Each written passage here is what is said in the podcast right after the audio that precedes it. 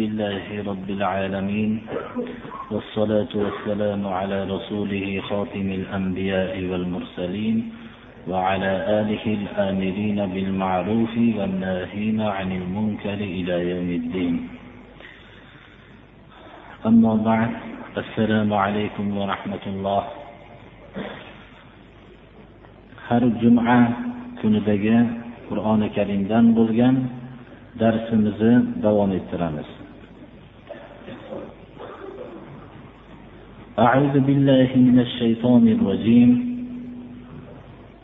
شهد الله أنه لا إله إلا هو والملائكة وأولو العلم قائما بالقسط. لا إله إلا هو العزيز الحكيم. alloh subhanahu va taolo yuqoridagi darsimizda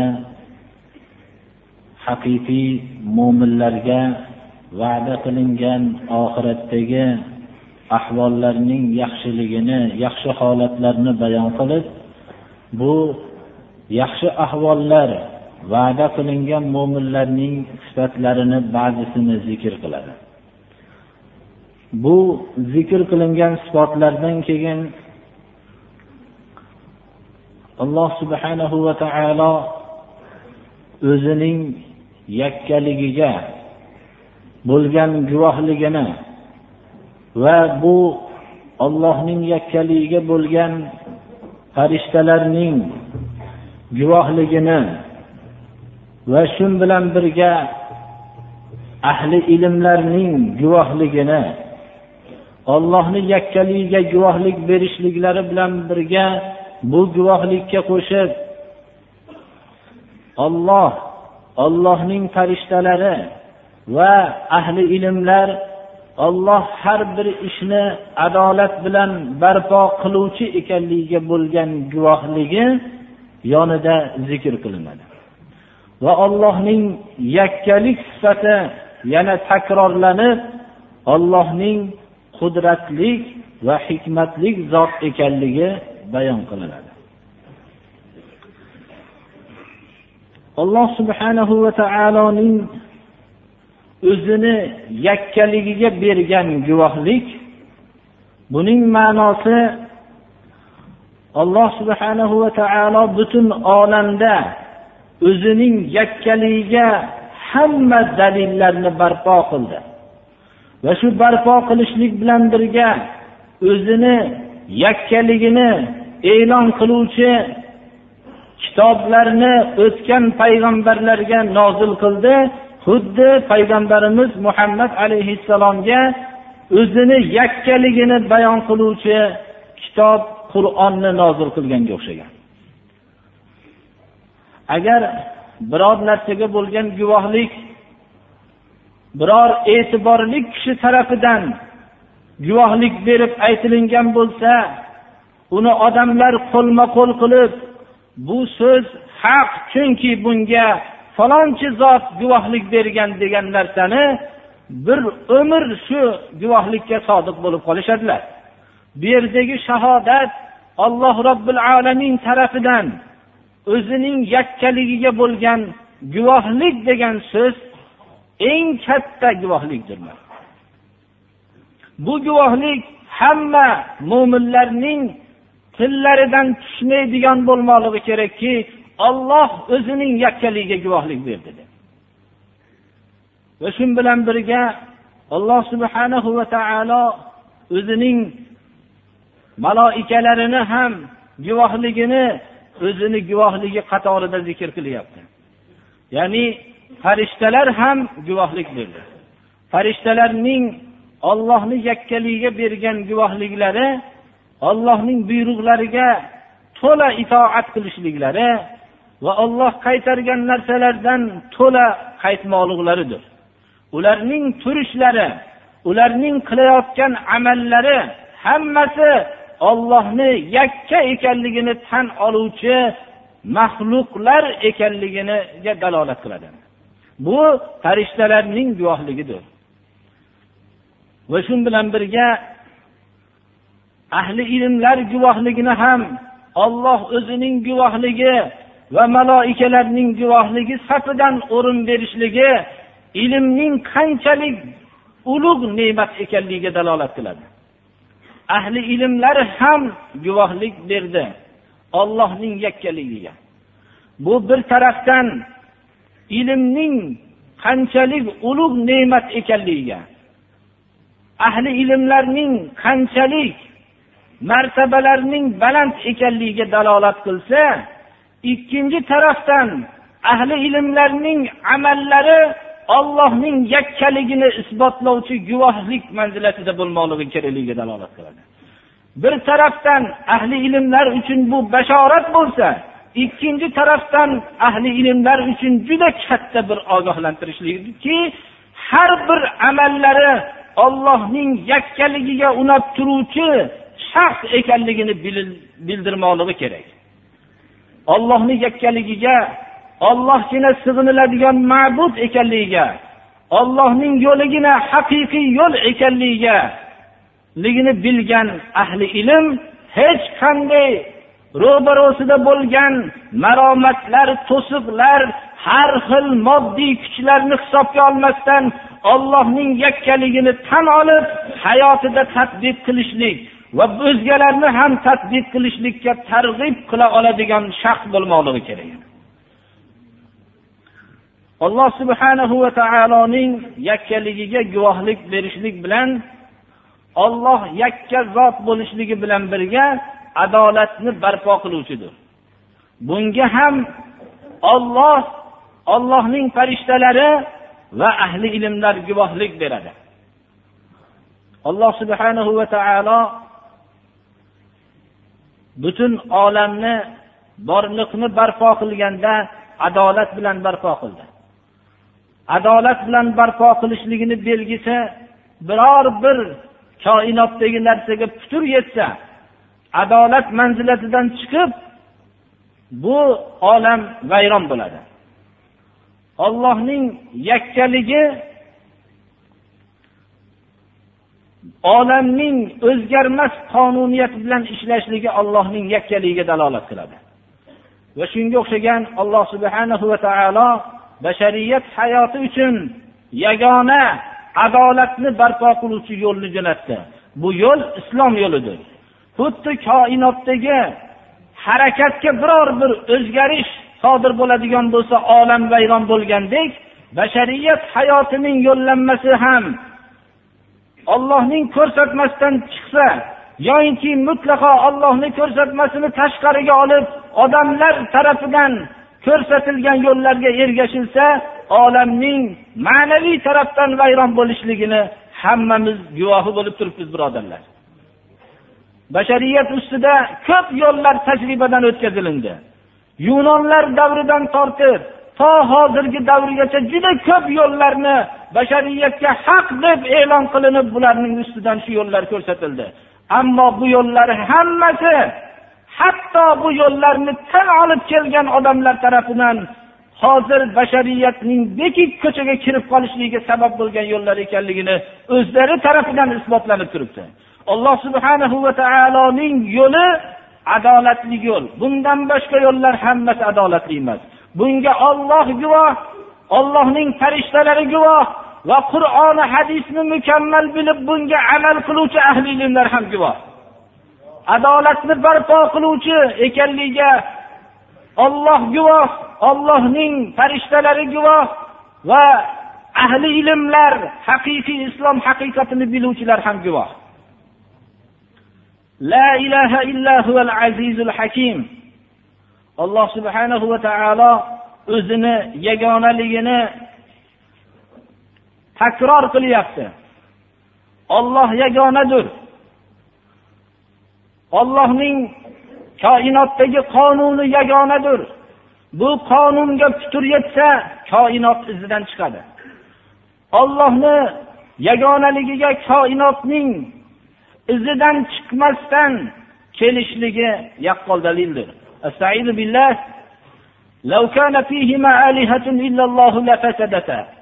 Koinotu yerda agar ollohdan boshqa ma'budlar bo'lganda koinoti yer vayron bo'lgan bo'lardi. Chunki har bir ma'bud o'zining yo'lini ma'qul deb o'rtada kelishmovchilik paydo bo'lib olam vayron bo'lgan bo'lardi. Olamning uzoq vaqtdan beri vayron bo'lmasdan kelishligi ollohning yakkaligiga dalolat qiladi. Va shu bilan birga bashariyat qonuni ham insoniyatga jo'natilingan qonun ham yagonadir bu qonunga putur yetsa ya'ni islom qonuniga putur yetsa bu hayot bashariyat hayoti ham koinot vayron bo'lganday vayron bo'ladi. Lekin buni vayron bo'lishligi hammaga tushunarli bo'lmaydi birodarlarim. Koinotdagi qonuniyatning o'zgarmasdan bir xilda kelishligi ollohning yagonaligiga dalolat qiladi va hamda qudratli zot ekanligiga dalolat qiladi. La ilaha illa huval aziz. Qudratli zotgina butun koinotni bir qonuniyat asosida ushlab tura oladi. Al hakim va shu bilan birga nihoyatda olamdagi qonuniyatning bir holatda kelishligi ollohning hikmatlik zot ekanligiga ham dalolat qiladi.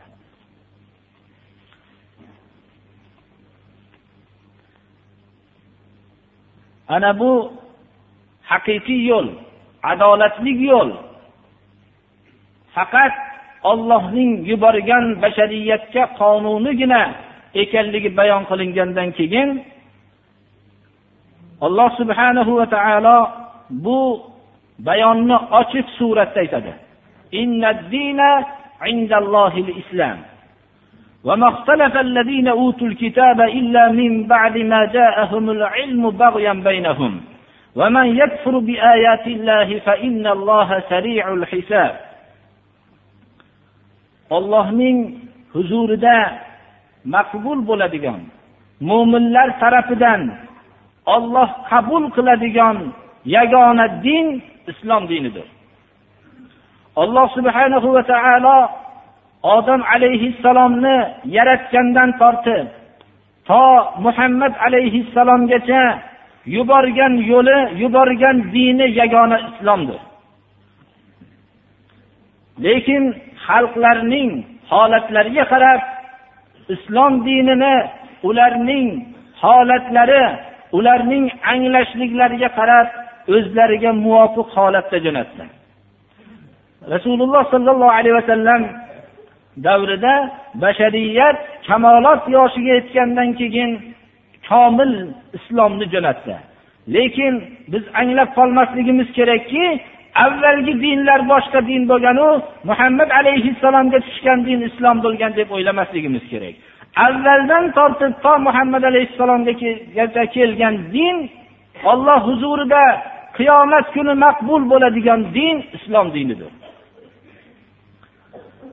Bu ollohni huzurida yagona yo'l islom yo'li ekanligini ahli kitoblar ham bilishadi.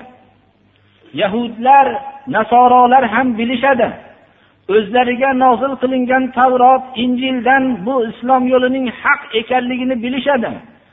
Lekin ularning ixtilof qilishliklari bilmasliklaridan kelib chiqqan emas ular aniq bilganliklaridan kelib chiqqan.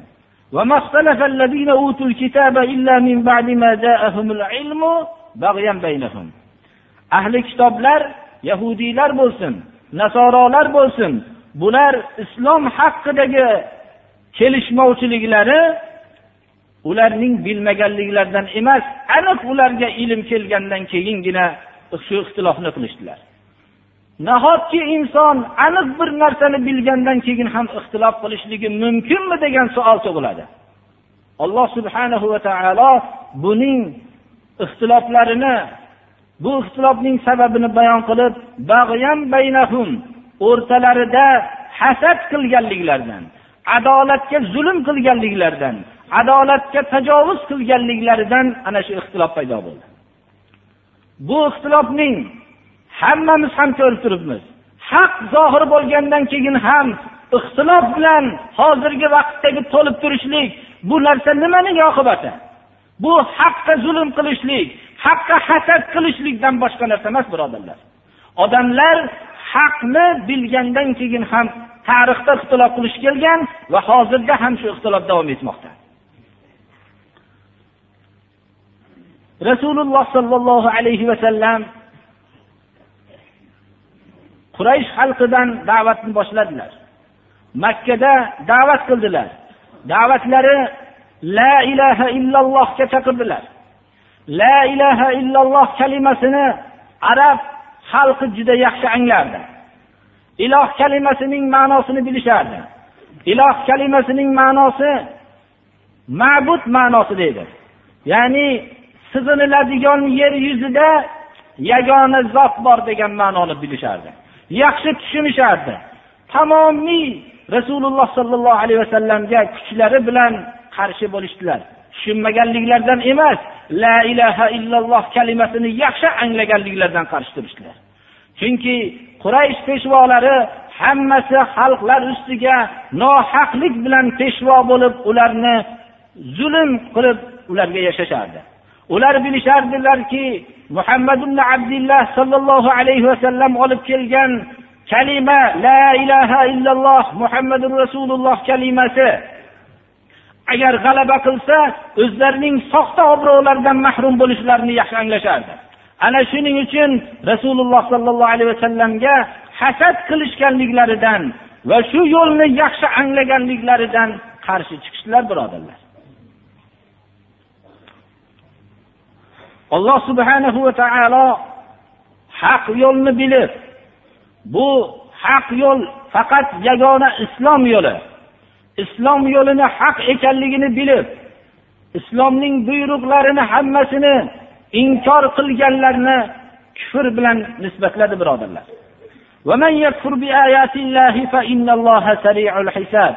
Ollohning oyatlariga kim kofir bo'lsa ollohning hisobi tez bo'lgan zotdir. Ularning hisobini juda tez qiladi.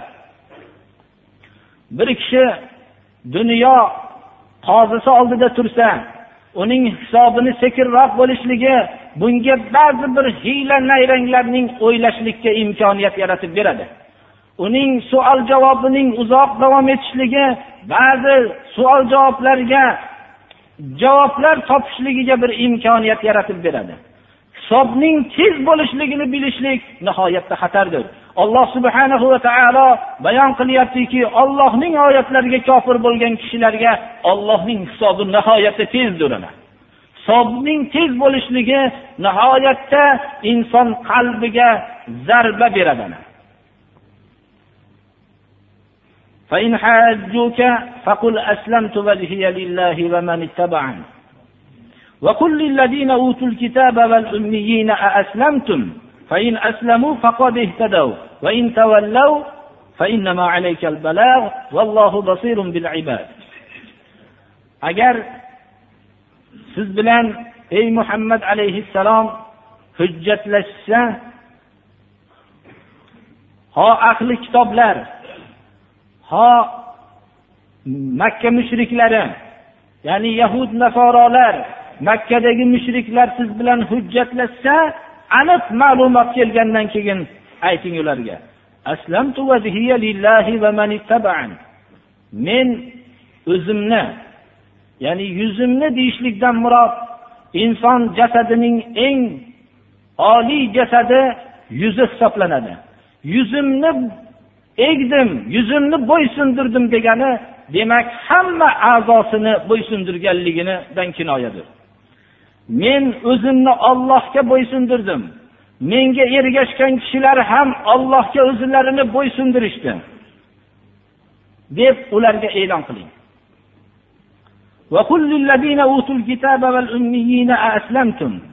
Ahli kitoblarga ayting ya'ni yahudiy nasorolarga. Val ummiyina makkadagi mushriklarga ham ayting aslamtum men yuzimni burdim ollohga menga ergashganlar ham ollohni hukmiga yuzlarini burishdi. Sizlar ham burdinglarmi deng? Agar ular shu sizning qilgan xitobingizdan keyin ular ham taslim bo'lishsalar haqiqiy yo'lga hidoyatlanishibdi. Agar sizdan bosh tortishsa sizning vazifangiz ularga da'vatni yetkazishdir. Da'vatni yetkazgandan keyin payg'ambar vazifasi tamom bo'ladi. Payg'ambarlar da'vatni yetkazishlik uchun kelishganlar. Da'vatni yetkazgandan keyin ular yuzlarini burishsa olloh yo'liga ular haqiqiy hidoyat topgan kishilar agar bosh tortishsa payg'ambar vazifasi tamom bo'ladi.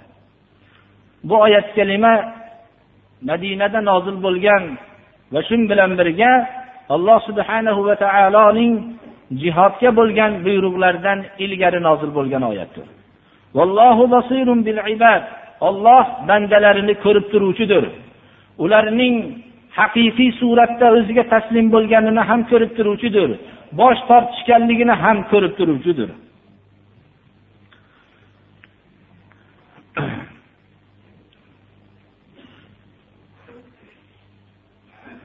Alloh subhanahu va taoloning doim bandalarga rahmati ularga payg'ambarlar jo'natdi. Payg'ambarlarning yo'llarini haqiqiy qabul qilgan kishilar hayotning har bir daqiqasida mavjud bo'lib keldi. Ular ham payg'ambarlarning yo'llarini tutib ollohni yo'liga ular ham da'vat qilishdilar. Lekin insonlar olloh tarafidan kelgan bu qiymatbaho buyuk ne'matni hammalari qadrlashmadilar. Hatto dunyodagi eng sof bo'lgan olloh bilan xalq o'rtasida vosita bo'lib ollohning vahiysini biror bir ulardan xizmat haqqi olmasdan butun vujudlari bilan moli davlatlarini ham sarf qilib ota onalardan ham mehribon bo'lgan ummatlarga mehribon bo'lib kelgan payg'ambarlarning yo'llarini qabul qilishmadilar hamma odamlar. Qabul qilib qo'ymasdangina bu bilan kifoyalanishmasdan ularga turli ozorlarni berishdilar. Bu ozorlar bilan ham kifoyalanib qolishmadilar. Hatto bashariyat ichida bil ittifoq eng insonlarning sofi bo'lgan payg'ambarlarni qatl qilishdilar. Hatto qatl qilishlikni vahshiy suratda ham bularni bajarishdilar. Zakariyo alayhissalomni bu kishini peshonalaridan arra tortib qatl qilishdilar. Yahyo alayhissalom o'tgan ollohning o'ziga ma'lum nechta payg'ambarlarni qatl qilishdilar. Alloh subhanahu va taolo buni bayon qilib إن الذين يكفرون بآيات الله ويقتلون النبيين بغير حق ويقتلون الذين يأمرون بالقسط من الناس فبشرهم بعذاب أليم أولئك الذين حبطت أعمالهم في الدنيا والآخرة وما لهم من ناصرين allohning oyatlariga kofir bo'lgan kishilar ollohning oyatlariga kofir bo'lishib bu kufrdek xunuk qabih bo'lgan sifat bilan kifoyalanishib qolmadi. Balki payg'ambarlarni nohaq o'ldirgan kishilar va shu bilan birga odamlar ichida adolat ya'ni shariati haqiqiyaga buyurgan haqiqiy shariatni bilib haqiqiy shariatni ko'rsatmalariga amal qilib haqiqiy shariatga odamlarni buyurgan kishilarni qatl qilgan kishilar ularni alamlantiruvchi azobni ularga xabarini bering deyapti alloh taolo. Alloh subhanahu va taolo mana bu oyatda qist ya'ni adolat adolat faqat islom yo'ligina islomga payg'ambarlardan keyin ularning yo'llarini ushlab islomga buyurayotgan kishilarni alloh subhanahu va taolo shu islomga buyurayotgan kishilarni qatl qilgan odamlarni payg'ambarlarni qatl qilgan safda zikr qilyapti. Ya'ni payg'ambarlarni o'ldirishlik qancha gunoh bo'lsa payg'ambarlar yo'liga buyurayotgan kishilarni qatl qilganlarning gunohi bundan kam emas. Undan tashqari adolatga buyurayotgan kishilarni alloh subhanahu va taolo payg'ambarlar safida zikr qilyapti. Bizlarning hozir uzoq tarixdagi voqealarni aytib o'tdik. Yaqin tarixlarda ham bizlarning shu diyorlarimizda haqqa buyurgan ayblari la ilaha illalloh muhammadu rasulullohga buyurgan kishilar son sanoqsiz miqdorda qatl qilindi. Va adolatga buyurgan haqiqat yo'lini topib shu yo'lga buyurgan haqni buyurgan kishilarni ham qatl qilishdilar.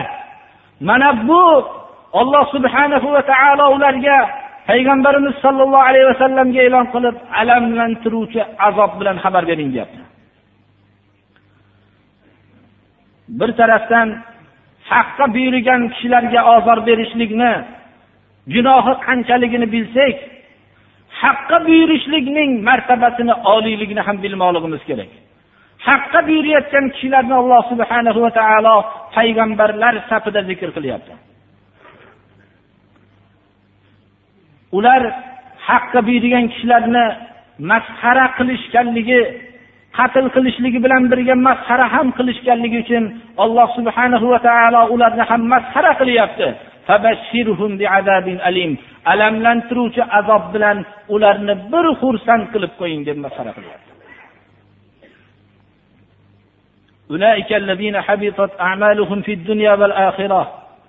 Dunyoyu oxiratda amallari habata bo'lgan kishilar shular. Haqqa buyurgan kishilarni qatl qilgan kishilarning dunyoyu oxiratdagi hamma amallari habata bo'lib tamom bo'ladi. Oxiratda ularga hech qanday yordamchi bo'lmaydi. Ular haqqa buyurgan kishilarga yordam bermagan edi. Ular haqni bilishib turib haqqa buyurgan kishilarni qatl qilishgan edi. Ular haqqa buyurgan kishilarga yordam bermaganliklari uchun ularga ham mutlaqo yordamchi bo'lmaydi oxiratda.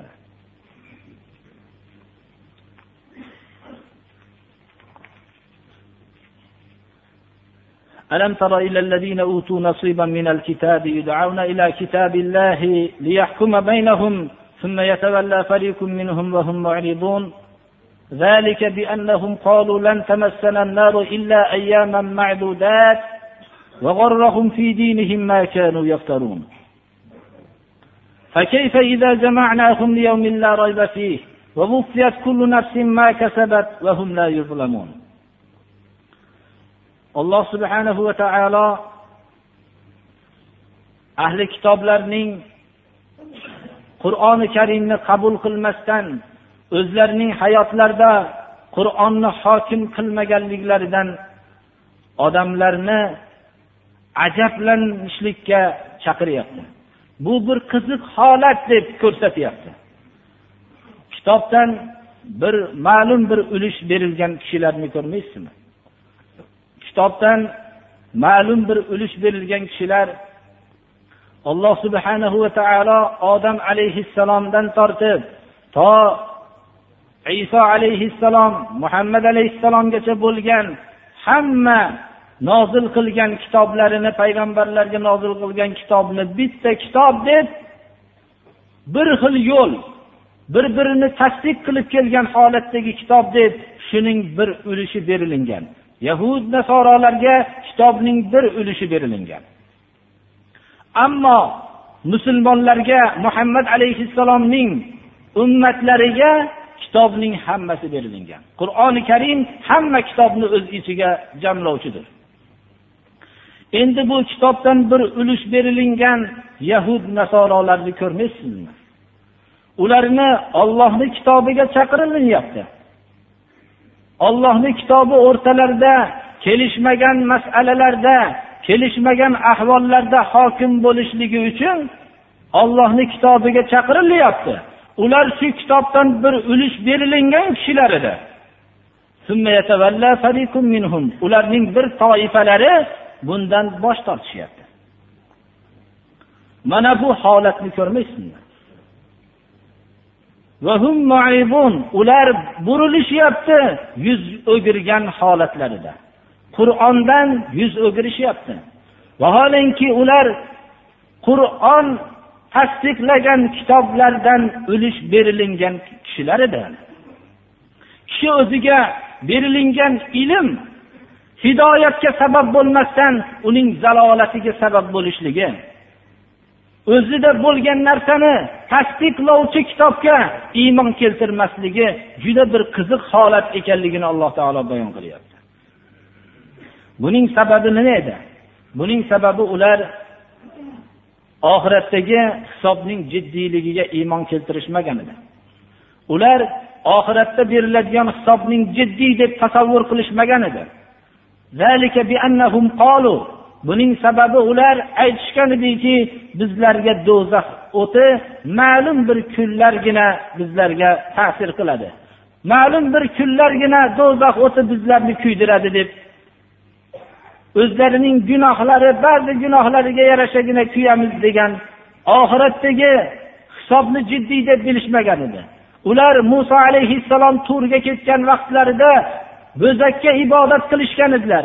Shu ibodat qilgan kunimizcha bizga do'zax o'ti ta'sir qiladida keyin biz salomat jannatga kiramiz deb oxiratdagi hisobning jiddiy ekanligiga iymon keltirmaganlari edi.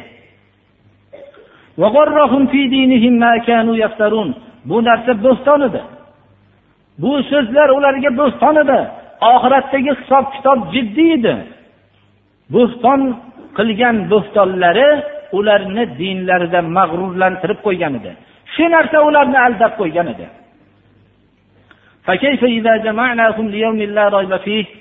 Ularning holi qanday bo'lar ekan? Hammalarini kelishligida shubhasi yo'q bo'lgan kunga kunga jamlasak hammasini. Qiyomat kunida hammalarini jamlasak. Har bir kishiga qilgan kasb qilgan narsalari to'la berilsa yaxshi amallariga yaxshi mukofotlar to'la berilsa yomon amallariga jazolar to'la berilsa ularning hollari qanday bo'lar ekan? Hisobning jiddiy ekanligini ko'rishsalar hollari qanday bo'lar ekan? Ularga biror amallariga zulm qilinmagan holatda jazolar berilib hisob jiddiy bo'lganda hollari qanday bo'lar ekan? Ana bu narsa alloh subhanahu va taolo bizlarni ahli kitoblarning holatlarini bayon qilib beryapti. Bizlarning hozirdagi musulmonlarimizning ba'zi bir o'ylari ham shunga o'xshab ketadi birodarlar. Ular qilgan gunohlarini ko'p qilgan gunohlarini gunohlarimizni ba'zi qismiga yarasha kuyamizda jannatga dohil bo'lib olamiz deb ana shu qilgan hayolotlari bilan yashashadilar. Mana shu hayolot ularni mag'rurlantirib qo'yadi. oxiratdagi hisobning jiddiy ekanliklari haqida o'ylashmaydilar abu hurayra roziyallohu anhudan rivoyat qilinadiki bu kishi aytdilarki خرج رسول الله صلى الله عليه وسلم ذات يوم أو ليلة فإذا هو بأبي بكر وعمر رضي الله عنهما فقال ما أخرجكما من بيوتكما هذه الساعة قالا الجوع يا رسول الله قال فأنا والذي نفسي بيده لأخرجني الذي أخرجكما. كما فقاما معه. فأتى رجلا من الأنصار فإذا هو ليس في بيته. فلما رأته المرأة قالت مرحبا وأهلا. قال لها رسول الله صلى الله عليه وسلم أين فلان؟ قال ذهب يستعذب لنا الماء إذ جاء الأنصاري فنظر إلى رسول الله صلى الله عليه وسلم وصاحبيه ثم قال الحمد لله ما أحد اليوم أكرم أضيافا مني. فانطلق فجاءهم بعبك فيه بسر وتمر ورطب. فقال كلوا وأخذ المدية. فقال له رسول الله صلى الله عليه وسلم إياك والحلوب.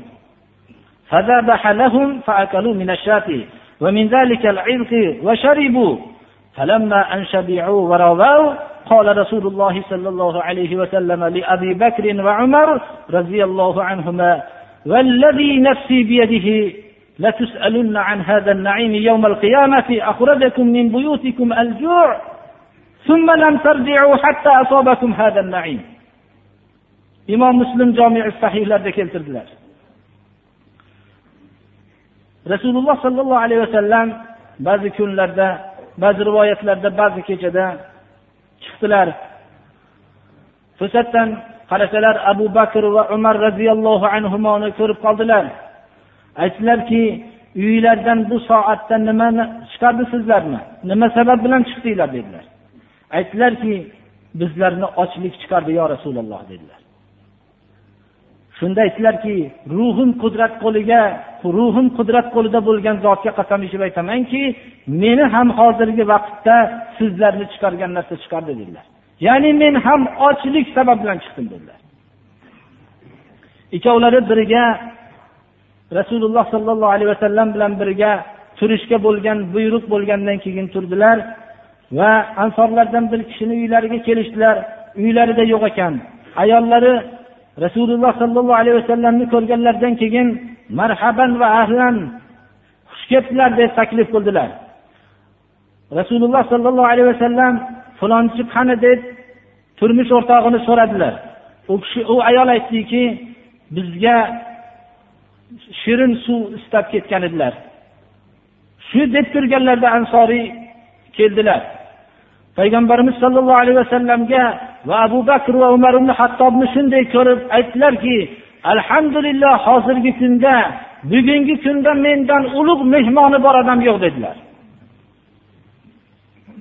Va ularga xurmosidan bir bosh olib keldilar. Xurmo bir boshida pishgani ham bor edi g'o'rasi ham bor edi ola pishgani ham bor edi.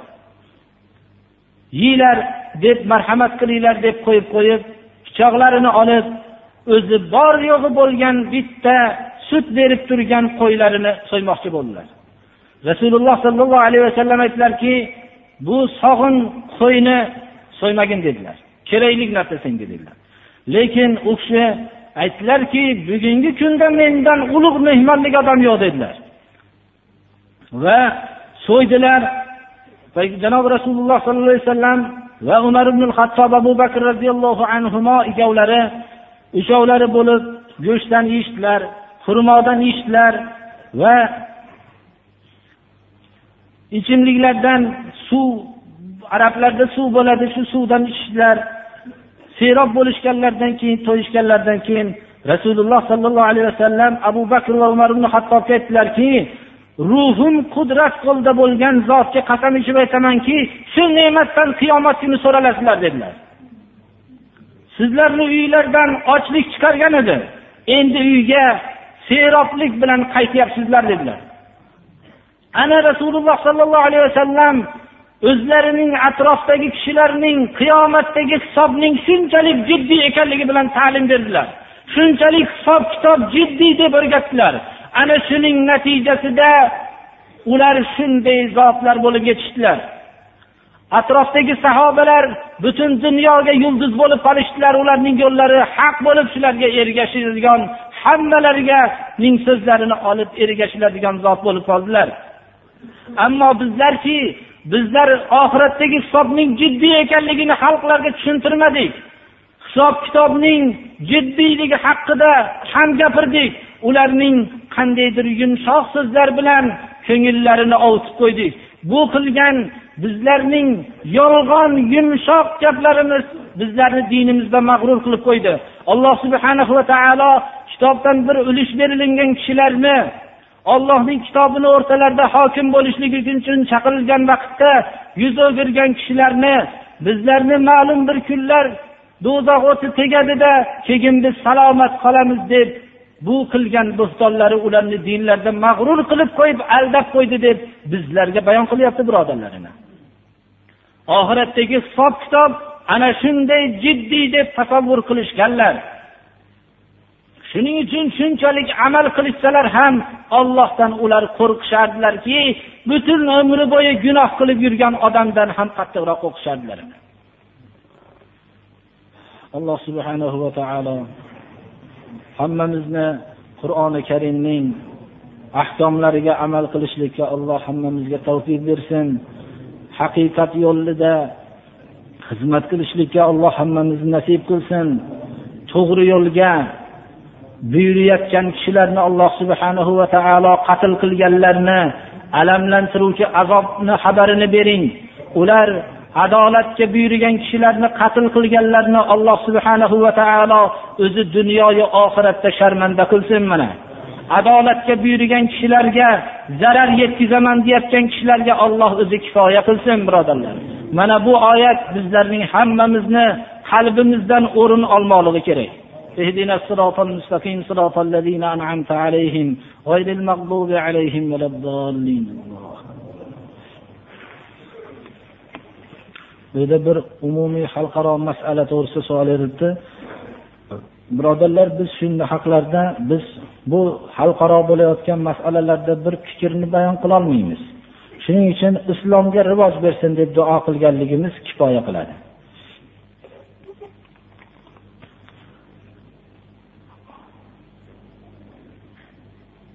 Omin duo qilaylik. Alloh subhanahu va taolo ba'zi birodarlarimiz duo qilishligini xonadonlarida islom barqaror bo'lishini so'rabdi. Ba'zi birodarlarimiz bir safarga ketayotganligini e'lon qilib shu dinni xizmatini ya nasib bo'lsin shu safarimizda diniy xizmatlar qilishlikni alloh bizga nasib qilsin deb duo qilishlikni talab qildilar. Ba'zi birodarlarimiz shu o'zlariga ba'zi ta'lim bergan o'zlariga qaramog'idagi kishilarni o'tib ketgan shularni haqqiga duo qilsin dedilar. Alloh subhanahu va taolo niyatlariga nima bo'lgan bo'lsa shu niyatlardan yaxshiroq bir diniy xizmatlarni nasib qilsin xonadonlarida islom barqaror bo'lsin va o'tganlarini alloh taolo rahmat qilsin va shu bilan birga alloh subhanahu va taolo hozirgi islomiy harakatlarga islom diniga quvvat bersin islomga qarshi bo'layotganlarga olloh kifoya qilsin. ba'zi odamlar islomning tarafdoriga o'xshab turib islomga zarar yetkazayotganlar ham yo'q emas birodarlar alloh subhanahu va taolo shunaqa nayrang yo'llari bilan qilganlarga avvalroq jazo bersin اهدنا الصراط المستقيم صراط الذين أنعمت عليهم غير المغضوب عليهم ولا الضالين alloh taolo hamma kishilarni ko'zlari ochilgan bo'lishi kerakki endi islomga zarar qilganlarning holati qanday bo'lganligini hamma kishilar bilib olishlari kerak. Islomga zarar yetkazganlar juda xor bo'lgan tarixda ham hozirda ham xor ular. Lekin hech qanday bir hali oxiratdagi azobni tatishgani yo'q hali. Oxirat kutib turibdi. Alloh subhanahu va taoloning mana bu oyatlardan ko'zlari ochilib islomga zarar berishlikdan hamma o'zini tiyib olishlari kerak. Alloh ularni ham to'g'ri yo'lga hidoyat qilsin. Dinni bilmasdan yurgan shu ko'chadagi hamma butun odamlar o'zlarini haq deb yuribdi shu ibodatlar qilmasdan alloh to'g'ri yo'lga hidoyat qilsin agarchi islomga zararni maqsad qilgan bo'lsa alloh o'zi kifoya qilsin alloh